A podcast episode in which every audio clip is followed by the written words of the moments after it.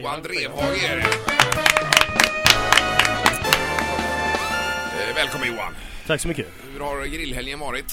Bra, vi- jag körde lite rökta räkor i fredags och passade på att röka lite lax på min grill. Eh, Alltså man kan röka på grillen också. Absolut.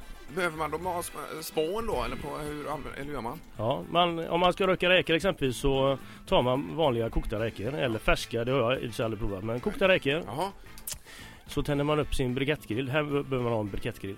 Ja. Eh, eh, tio briketter ungefär i- så långt bort till ena sidan av grillen. ja. Sen så tar man en liten form, gärna med hål i. Det finns sådana här grillformar som har massa hål i. Mm. Så lägger man räkorna där i. Och Under tiden har man blötlagt då spån. Gärna hickory är, passar bra till räkor. Hickory är väldigt kraftig röksmak. För man vill Finns i inte- affären att köpa. Ja, det finns att köpa hickory-spån. På grillavdelningen. Absolut. Och de blöter man ner först va? Blöter man ner så annars brinner ju de. Ja. Och sen så försöker man kväva briketterna med, med de här rökspånen. Fast det ska ändå vara så att det är glödbädd kvar så man får en kraftig rökutveckling. Locket på hela tiden. Och ungefär en halvtimme i hickoryrök så blir ju eh, räkorna fantastiskt goda. Men vadå? ja, Fantastiskt Vad härligt. konstigt det låter. Vadå konstigt? Det låter ju helt otroligt gott. Men det ska Rökta vara räkor med skal alltså. Ja. Ja. Rökta räkor är ju makalöst. Ja. Jag har aldrig smakat. Och samtidigt då så la jag på en liten laxsida. Eh, bara lite på, på sidan så. Och så hade jag köpt kräftor och de gjorde ingenting med. Så hade vi lite, lite cremant i bourgogne, lite rökta räkor och lite eh, lax och, och lite trevligt. Bjöd du på det? Vad var det för Va? lax? Bjö- och Du bjöd på Ja, detta? ja, min fru. Och vad var det för bourgogne? Bourgognen sa du?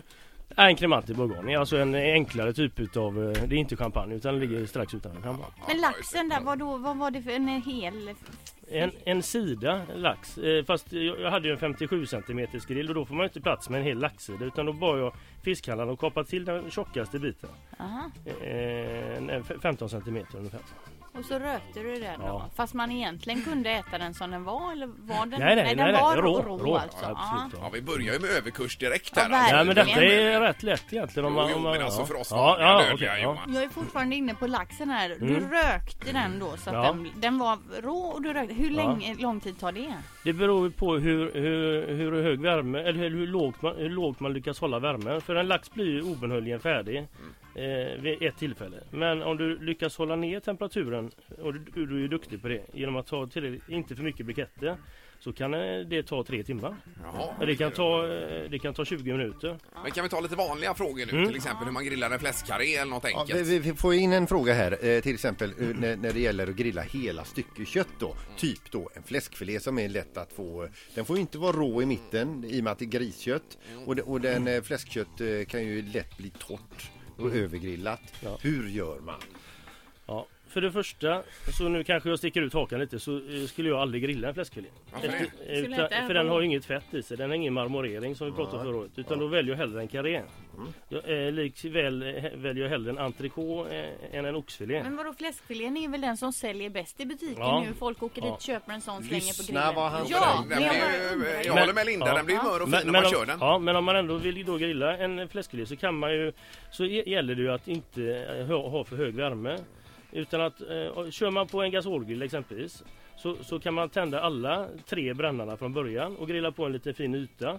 Och sedan när man tycker att man har en fin yta så stänger man av en eller två brännare och lägger fläskfilén under den, eh, un- under den så kallade indirekta zonen. Just det. Där det då inte eh, är någon direkt värme under grillen. Ja. Men om Ja. man grillar på en vanlig grill då? Kolgrill alltså? Ja, det är också Ja. indirekt värme då väl? Samma där, Ja. samma där. Men då, då brukar jag använda mig utav metoden 50-50 istället. Och 50-50 då har man briketter på halva Ja. eh, brikettgallret och så är det ingenting på andra. Nej. Då har man ju två zoner. En så jobbar du med dem direkt då zon och en indirekt zon.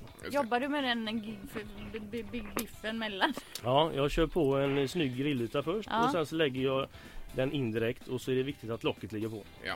Och, eh, och så ska man inte gå och tjuvkika där hela tiden. Nej. If you look you don't cook. Ja, okej.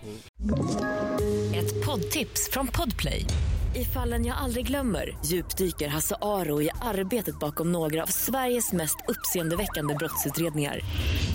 Går vi in med hemlig telefonavlyssning och, och då upplever vi att vi får en total förändring av hans beteende. Vad är det som händer nu? Vem är det som läcker? Och så säger han att jag är kriminell, jag har varit kriminell i hela mitt liv men att mörda ett barn, där går min gräns. Nya säsongen av Fallen jag aldrig glömmer på Podplay.